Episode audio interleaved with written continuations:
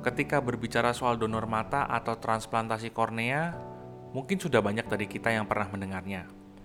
Akan tapi, tahukah Anda bahwa selama ini orang Indonesia yang membutuhkan donor kornea harus mencari dari luar negeri? Di sesi ini kami ditemani oleh Dr. Dini Darmawidiarini, spesialis mata. Beliau adalah seorang dokter mata spesialis kornea yang sudah berpengalaman dalam operasi donor kornea.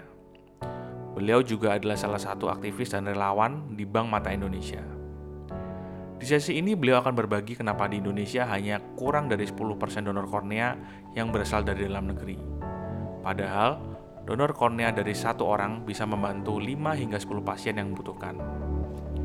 Jika Anda ingin tahu perkembangan dunia donor kornea di Indonesia atau mau tahu cara membantu sesama lewat donor kornea, mari simak perbincangan kami.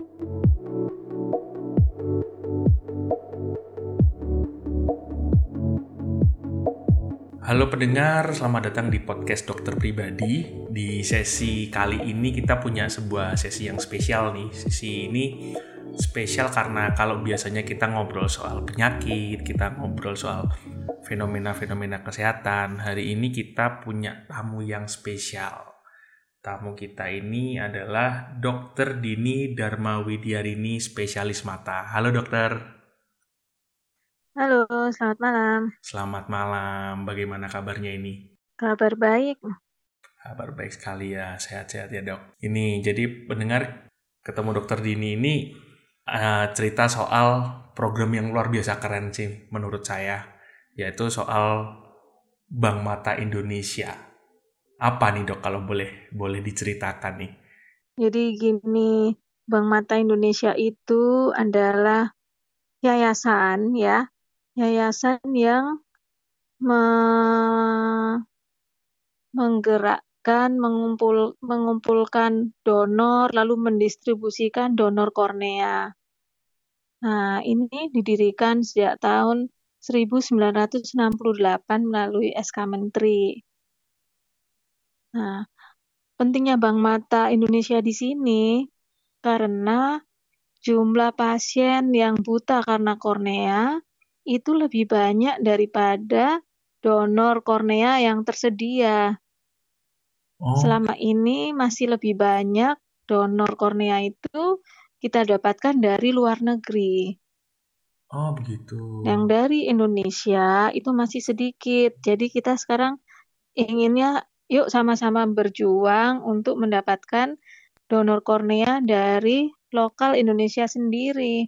Hmm. Supaya lebih banyak pasien yang bisa kita bantu. Itu. Hmm. Karena kalau menunggu donor dari luar negeri itu kan biayanya lebih mahal, transportasinya kan jauh kan mahal. Iya. Udah gitu ada resiko donor kita terima kondisinya rusak. Semacam itu. Oh. Udah lama sebenarnya berarti berdirinya hmm. Bank Mata Indonesia nih. Ya, sebenarnya ya, sudah lama. Ya, akan tapi masih banyak yang belum tahu, baik masyarakat maupun para dokter ini sendiri. Sebenarnya ya dok, kalau berarti kalau yang tadi dikatakan orang yang mengalami uh, masalah mata kebutaan yang diakibatkan oleh masalah dengan kornea ini, memang angkanya sampai hmm. berapa banyak dok di Indonesia? Di Indonesia itu dari tahun 2013 eh Uh, sampai dengan tahun 2016 ya. Mm-hmm. 2003 sorry sampai tahun 2016 itu ada 170 170 ribu pasien yang memerlukan.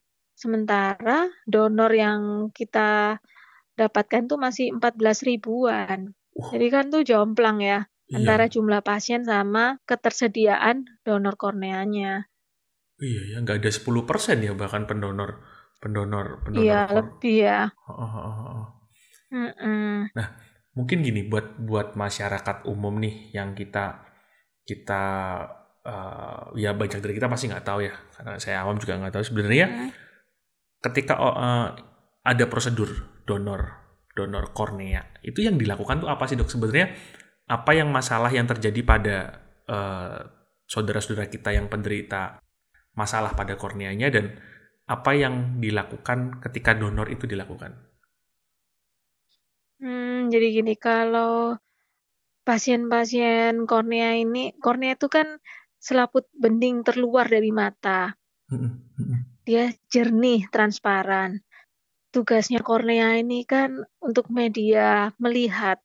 Jadi pada saat transparansi kornea ini menjadi keruh karena rusak, sakit, kecelakaan, dia menjadi keruh, otomatis pasien tuh nggak bisa melihat.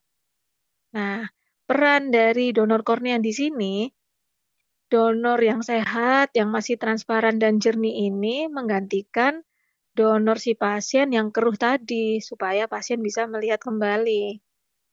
Oh, gitu. Gitu. Berarti perannya. Kornea itu berarti kayak jendela terluarnya lah, lapisan terluarnya dari mata Bener. kita. Benar. Oh, begitu. Berarti jendela luar ya. Ha, ha, ha. Jadi itu maksudnya ketika orang punya masalah dengan kornea kemudian dia istilahnya kornea diganti didonorkan dengan dengan kornea orang lain tuh nggak nggak ada maksudnya nggak ada gini kalau misalnya kalau kita ngomong organ kan biasanya ada dari golongan hmm. darahnya atau apanya kalau kornea ada Hmm. Ada requirementnya seperti itu kan? Iya. Jadi gini, keuntungannya kornea ini dibandingkan transplantasi organ yang lain ya. Hmm. Karena kornea itu tidak ada jaringan pembuluh darah, jadinya kemungkinan untuk ditolak oleh tubuh itu sangat kecil. Beda sama transplantasi organ e, ginjal, hati, itu harus cocok kan darah si hmm. pasien dengan darah si pendonor. Kalau kornea kita tidak tidak perlu mencocokkan itu. Kenapa? Karena kornea tidak ada jaringan pembuluh darahnya. Oh. Dan gitu. keberhasilan dari transplantasi kornea yang sudah kita kerjakan itu 90 sampai 95 persen. Oh, tinggi sekali ya. Ini manfaatnya banyak kan ya? Iya. Oh, istilahnya begitu orang begitu dilakukan donor, langsung istilahnya ya dengan sukses rate setinggi itu benar-benar mereka ya. bisa kembali normal melihat lagi istilahnya ya dok ya. Harapan untuk bisa melihat lagi itu besar. Hmm, ya. Itu. Apalagi angka angka di donor di sini cuma nggak ada 10% daripada kasus yang membutuhkan ya kenyataannya sampai hari mm -mm. ini ya. Mm -mm. Sebenarnya ap, apa dok kalau yang dokter uh, selama ini temui yang menjadi kendala sebenarnya untuk apa ya masyarakat kita menjadi pendonor atau mungkin lebih mengerti soal program donor kornea ini? Jadi gini, setelah saya mencoba untuk menjadi relawan dengan jalan memberikan informasi ya edukasi itu aja, hmm. ternyata itu kendalanya satu belum tahu masyarakat kita belum tahu tentang apa sih donor kornea, Terus oh ternyata ada yang namanya bank mata itu yang melaksanakan penjemputan kornea donor dan mendistribusikan. Satu faktor edukasi yang kurang. Hmm. Kita kan nggak bisa nyalain masyarakat ya, nggak tahu kita sendiri harus yang banyak bergerak memberi informasi. Betul. Kemudian yang kedua, ternyata setelah tahu itu kendalanya banyak yang takut. Uh, banyak yang takut karena mengira bahwa wah nanti matanya rusak baik sebagai penerima maupun yang memberi. Nah, kenyataannya enggak. Wajah kita tetap seperti ini. Yang diambil hanya lapisan kornea saja, selaput bening itu. Matanya, bola matanya tetap pada tempatnya. Baik si pendonor, si almarhum yang memberikan maupun si penerima donor. Sama-sama tidak mengambil bola mata. Hanya lapisan selaput bening kornea saja yang di uh, operasi. Kemudian kendala berikutnya masalah budaya dan keyakinan. Karena kita kan di sini banyak menganut agama kan macam-macam ya. ya. Nah, tiap-tiap orang itu punya keyakinan sendiri-sendiri. Nah, di sini menurut saya juga peran dari para para apa ya? Pemuka agama mungkin. Petinggi pemuka agama itu penting di sini perannya untuk membantu mengedukasikan gitu, oh bahwa ternyata donor itu manfaatnya adalah salah satunya sebagai ibadah. Kenapa menjadi caldon ya kita sebutnya caldon, calon donor itu ibadah karena satu-satunya saat kita mati masih bisa beramal tuh ya dengan memberikan donor kornea ini. seperti ini misalnya ya, data nasional di Indonesia tahun 2003 sih saya dapat datanya. Jadi paling enggak setiap tahun itu ada satu setengah juta mata yang dikubur maupun dikremasi yang sia-sia. Bayangkan tuh. Padahal satu donor kornea, satu ya, bukan sepasang, satu, itu bisa menolong setidaknya lima pasien. Satu Kalau Bang Mata di Amerika, hmm? ya satu lapisan kornea itu bisa menolong lima pasien.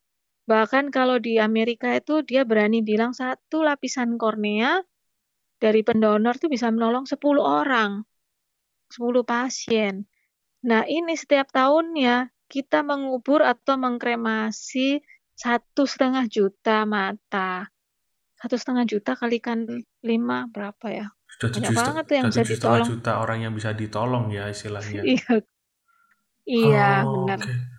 Malah istilahnya kalau ngomong gitu saking banyaknya itu kalau kita ngomong pendonor Indonesia bisa angkanya segitu bukan cuma kita menolong saudara-saudara kita adalah satu negara kita bisa istilahnya membantu di negara lain bahkan mungkin ya dok ya.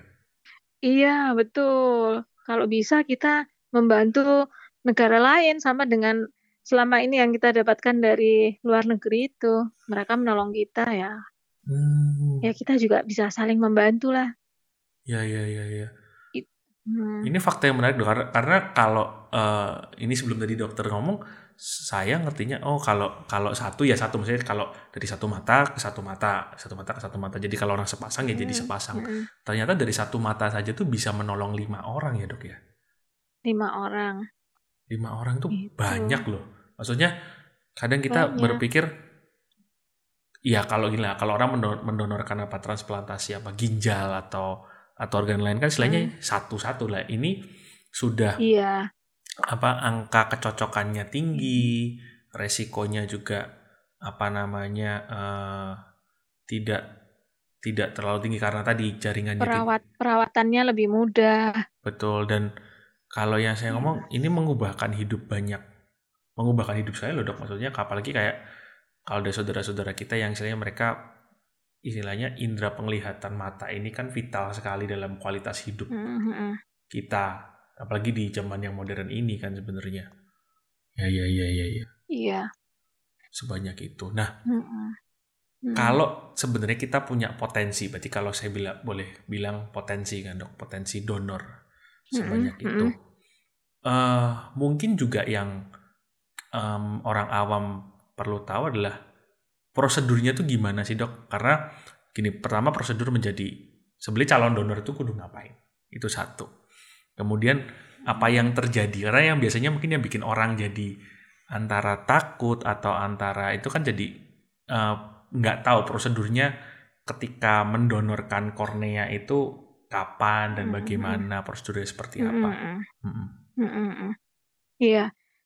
Nah, ini juga fakta yang menarik. Setelah saya uh, banyak penyuluhan, beberapa di antara pendengar dan akhirnya ikut bergabung menjadi caldon ini sudah lama ingin ingin berbagi tapi nggak ngerti caranya. Mm-hmm. Nah caranya gini, uh, kita punya Bank Mata Indonesia itu pusat, pusat yang mengatur mengatur secara nasional supaya resmi ya, supaya tidak ada istilah jual beli organ. Nah para caldon ini bisa mendaftar di Bank Mata Indonesia, ada websitenya, uh, nanti ada hotline-nya juga di website itu. Bahkan kalau bila perlu, bagi nomor saya pun nggak apa-apa, nanti saya bantu bagaimana mendaftar menjadi caldon. Syaratnya calon donor ini harus di atas 18 tahun. Oke. Okay. Lalu nanti akan dibuatkan kartu tanda anggota. Jadi ini istilahnya member Caldon. Hmm. Nah, nanti kartu tanda anggota itu sebaiknya dibawa ke mana-mana supaya uh, saat kita mati di mana pun orang tahu bahwa kita ini Caldon. Yang lebih penting lagi, kita harus memberitahukan kepada keluarga, kerabat, bahwa kita ini adalah member dari Caldon tadi. Kenapa? Karena ada juga cerita uh, seorang caldon yang meninggal, ternyata ahli warisnya nggak tahu akhirnya sepasang korneanya ini terkubur, nggak bisa dimanfaatkan. Tidak Oh. sesuai dengan wasiat dari si caldonnya. Iya, jadi ini juga penting. Selain mendaftar, dapat member, harus beritahu orang lain, kartunya dibawa ke mana-mana. Gitu. Hmm. Nah, tapi tidak tidak terbatas itu saja. Itu yang caldon pribadi. Ada lagi yang family. Family itu misalnya gini, eh, ada anak-anak bukan berarti yang di bawah 18 tahun nggak bisa jadi caldon. Hmm. Nah, anak-anak meninggal ya, baby gitu ya meninggal. Lalu orang tuanya ini mengharapkan si kornea didonorkan, itu bisa.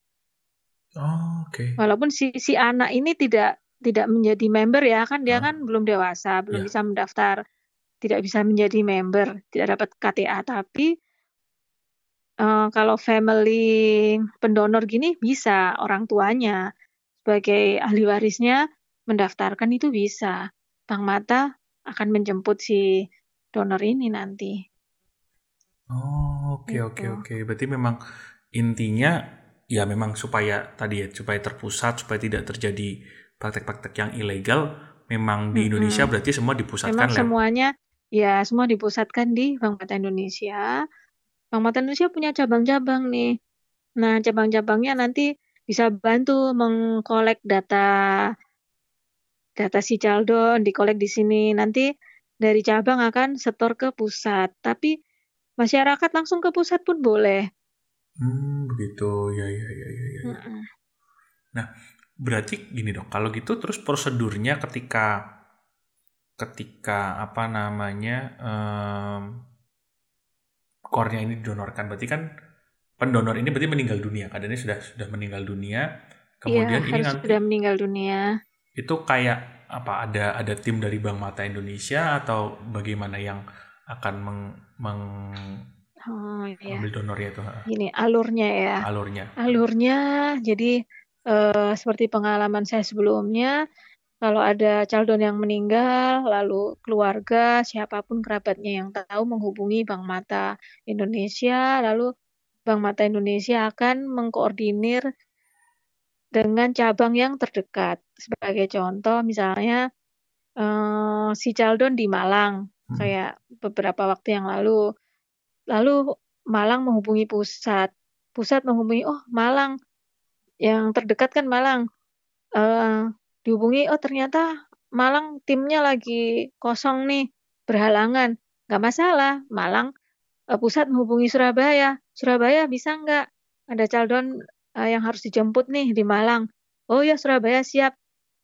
Lalu cabang dari Surabaya datanglah ke si caldon ini.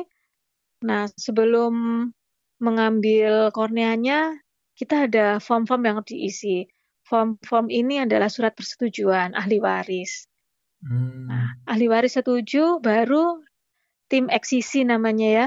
Tim eksisi ini tim operator mengambil donornya ini, baru boleh mengambil donor dari si almarhum ini.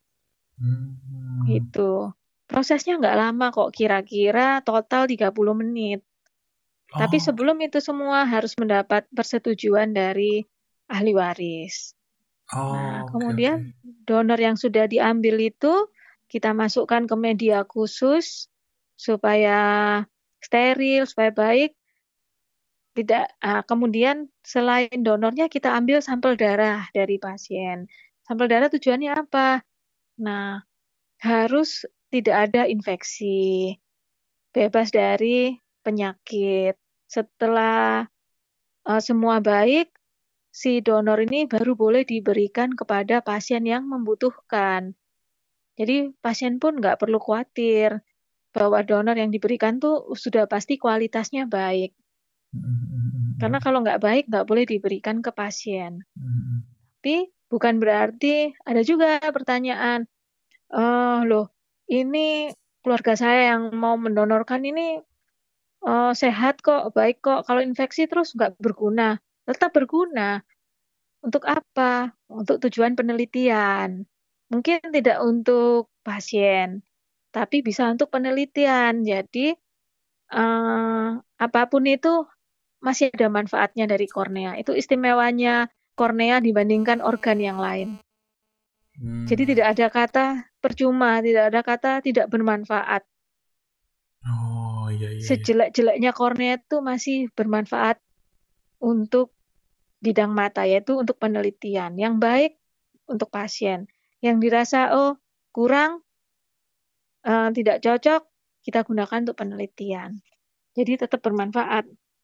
Hmm, ya, ya, ya, ya, ya. Sebenarnya kalau bilang gitu, sebenarnya prosedurnya juga nggak, ya karena udah terpusat, sebenarnya nggak, nggak, nggak yang ribet sebenarnya kalau saya boleh ngomong ya dok ya. Karena semua dikoordinasi iya, lewat Bank Mata Indonesia ini ya. Iya, iya. Mm-hmm. Dan networkingnya sudah cukup baik kok Bank Mata sekarang antar pusat ke cabang-cabang sudah cukup baik menurut saya. Hmm. Tinggal ya kita harus lebih banyak mengedukasi masyarakat ya. Nah kalau untuk ini dok, untuk uh, saudara-saudara kita yang memang membuat membutuhkan donor kornea ini juga bisa menghubungi Bank Mata Indonesia kalau begitu ya? Ya, jadi untuk yang saudara-saudara yang dengan penyakit kornea yang membutuhkan, setelah uh, dokter mata menyatakan perlu dilakukan transplantasi kornea, biasanya nanti uh, rumah sakit akan mengarahkan pemesanan donor ke bank mata pusat. Hmm, ya ya ya. ya. Itu. Untuk nah. dihidupkan ya. Nanti bang, iya. Nanti ada kita catat ada daftar antrian. Begitu ada donor yang siap, nanti sesuai urutan. Yang kadang-kadang bisa maju, belum tentu saya nomor 40 40 terus ya beberapa pasien tuh ada yang sulit dihubungi, ada yang ternyata donornya datang sakit, itu bisa saja. Akhirnya nanti antriannya maju. Hmm, gitu. Ya ya ya ya ya ya. ya. Jadi harus harus optimis. Pasien pun nggak boleh menyerah. Saya sering bilang sama pasien, oke okay, antri lebih baik antri sekarang. Kalau rezeki ibu bisa dapat lebih cepat. Itu harus semangat. Nah kalau kalau dari sorry kalau dokter sudah sudah menjadi relawan dan uh, tim di Bank Mata Indonesia sudah berapa lama dok? Hmm? Sudah sudah berkecimpung di istilahnya program donor kornea ini udah cukup lama berarti ya kayaknya ini ya. Uh, gini ya saya memulai saya mulai belajar tentang kornea itu 2016. Lalu saya mengunjungi Bank Mata Pusat itu 2016 akhir ya. Lalu saya belajar mengenai dia saya menjadi observer Bank Mata di India. Di Ramayama iBank itu adalah Bank Mata penyuplai terbanyak donor kornea kedua setelah Amerika. Oh, nah, di situ saya belajar banyak. Oh, ternyata begini yang membuat sistem. Kenapa di India begitu banyak donor selalu siap? Karena sistemnya udah jalan. Baik masyarakat, eh, pemerintahan, rumah sakit-rumah sakit itu udah jalan. Makanya eh, donor tuh selalu ada. Jadi pasien kapan pun hari ini datang langsung bisa dioperasi. Nggak seperti pasien kita harus menunggu lama. Nah, akhirnya uh, memang agak, agak sulit donor kornea ini ya. Saya juga harus mendidik asisten saya. Tahun 2017 ada dua asisten saya yang ikut pelatihan dengan Bank Mata Pusat di Jakarta. Dan ternyata 2017 itu juga awal dari Bank Mata Indonesia itu mengadakan pelatihan untuk teknisi Bank Mata. Hmm. Akhirnya setiap tahun itu selalu ada.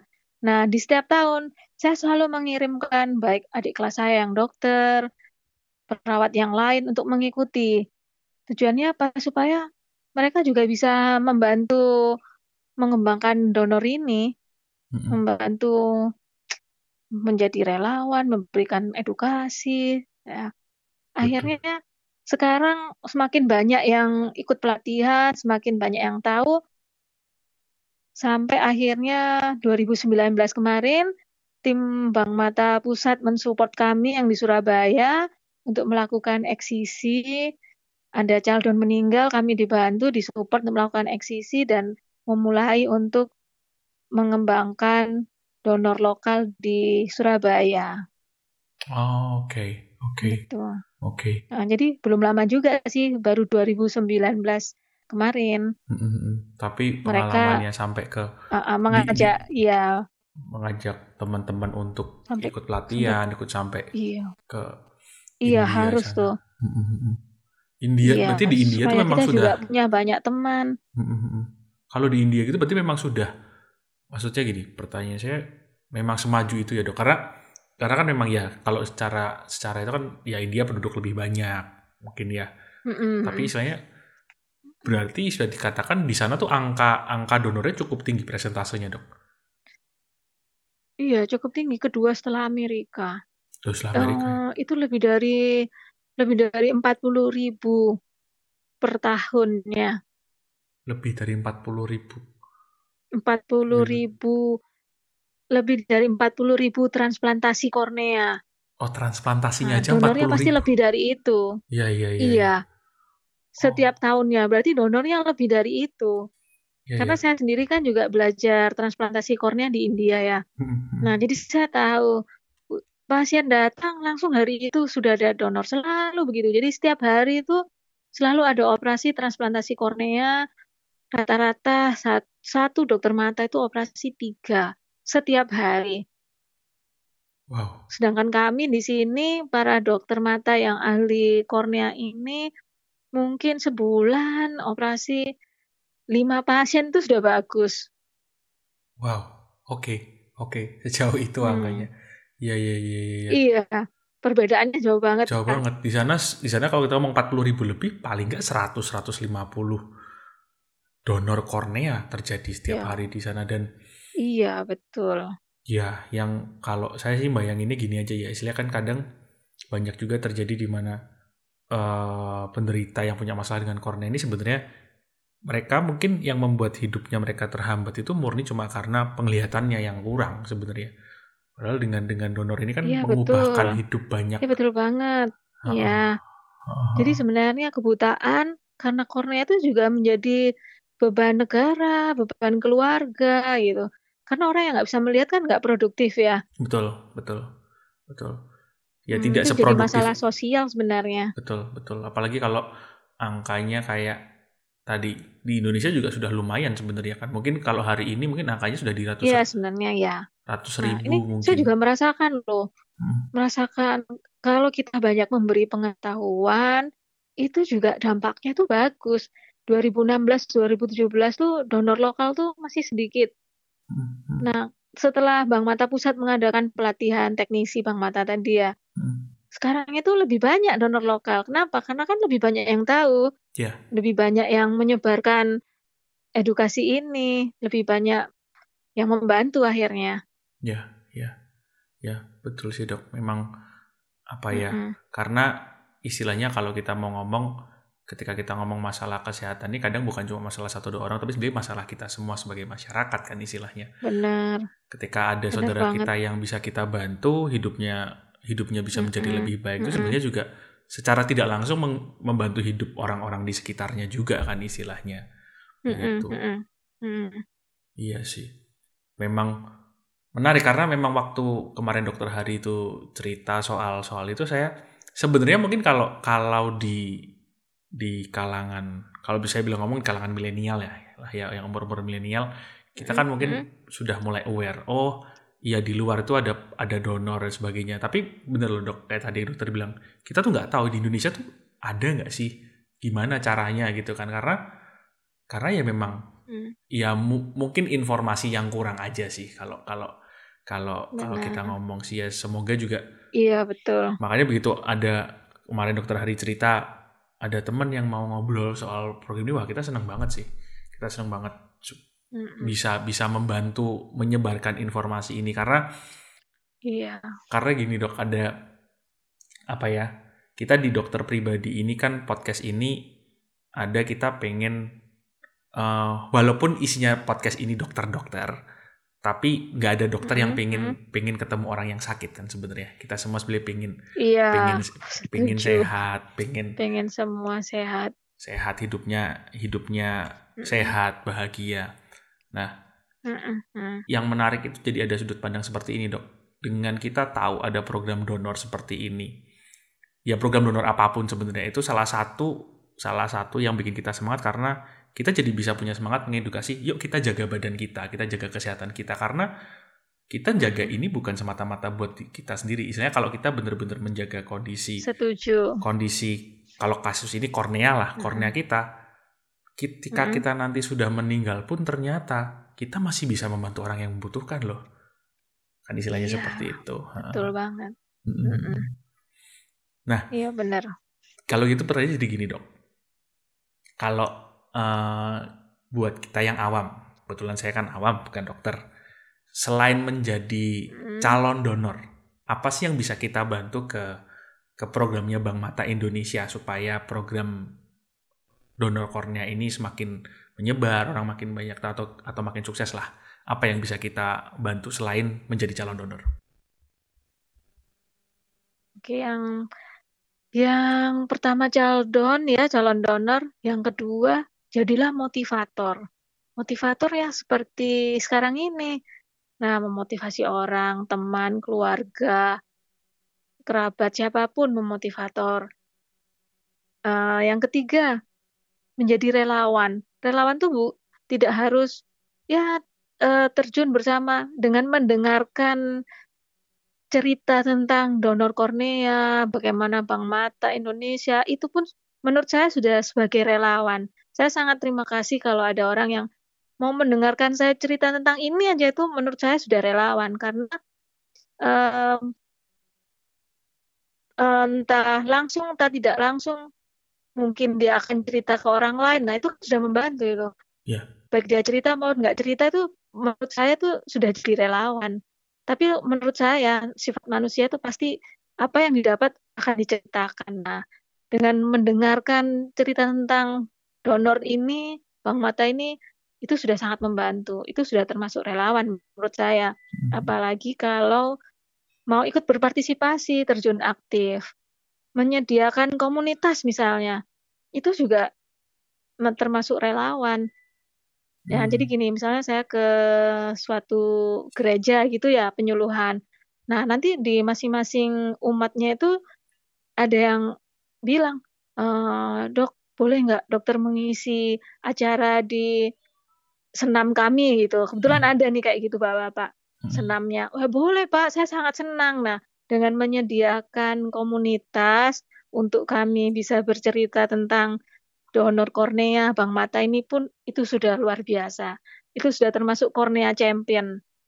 Hmm. Jadi kami sepakat ada ada istilah kornea champion ya. Siapa pun yang bergabung dengan kita ini menjadi relawan, motivator, caldon itu sudah menjadi kornea champion, duta kornea. Hmm, ya. Berarti sebenarnya kita awam juga sangat bisa berpartisipasi mm -mm. ya, ya bukan cuma sangat jadi bisa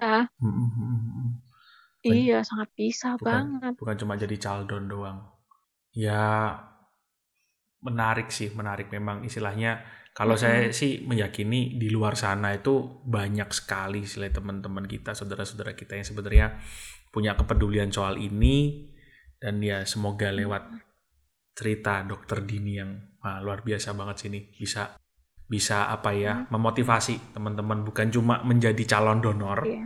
tapi juga hmm. juga menjadi motivator juga menjadi relawan motivator. juga menjadi penggerak penggerak hmm. ini dan mungkin penggerak bah, penggiat gitu ya bahkan termasuk mungkin membantu membantu siapa tahu ada orang yang memang membutuhkan donor dan mereka belum tahu siapa tahu juga kan bisa yeah. sangat bisa ya dok ya oke terima kasih dokter Dini untuk waktunya yeah. sampai ketemu lagi mungkin di sesi-sesi selanjutnya. Oke, terima kasih banyak. Untuk Anda yang ingin bertanya lebih lanjut mengenai topik sesi kali ini atau mengobrol dengan tim dokter di podcast dokter pribadi atau bahkan ingin menyampaikan saran mengenai topik-topik yang ingin dibahas di sesi-sesi selanjutnya, sapa kami di Instagram karena sekarang podcast dokter pribadi punya akun Instagram di @dokter.pribadi.official.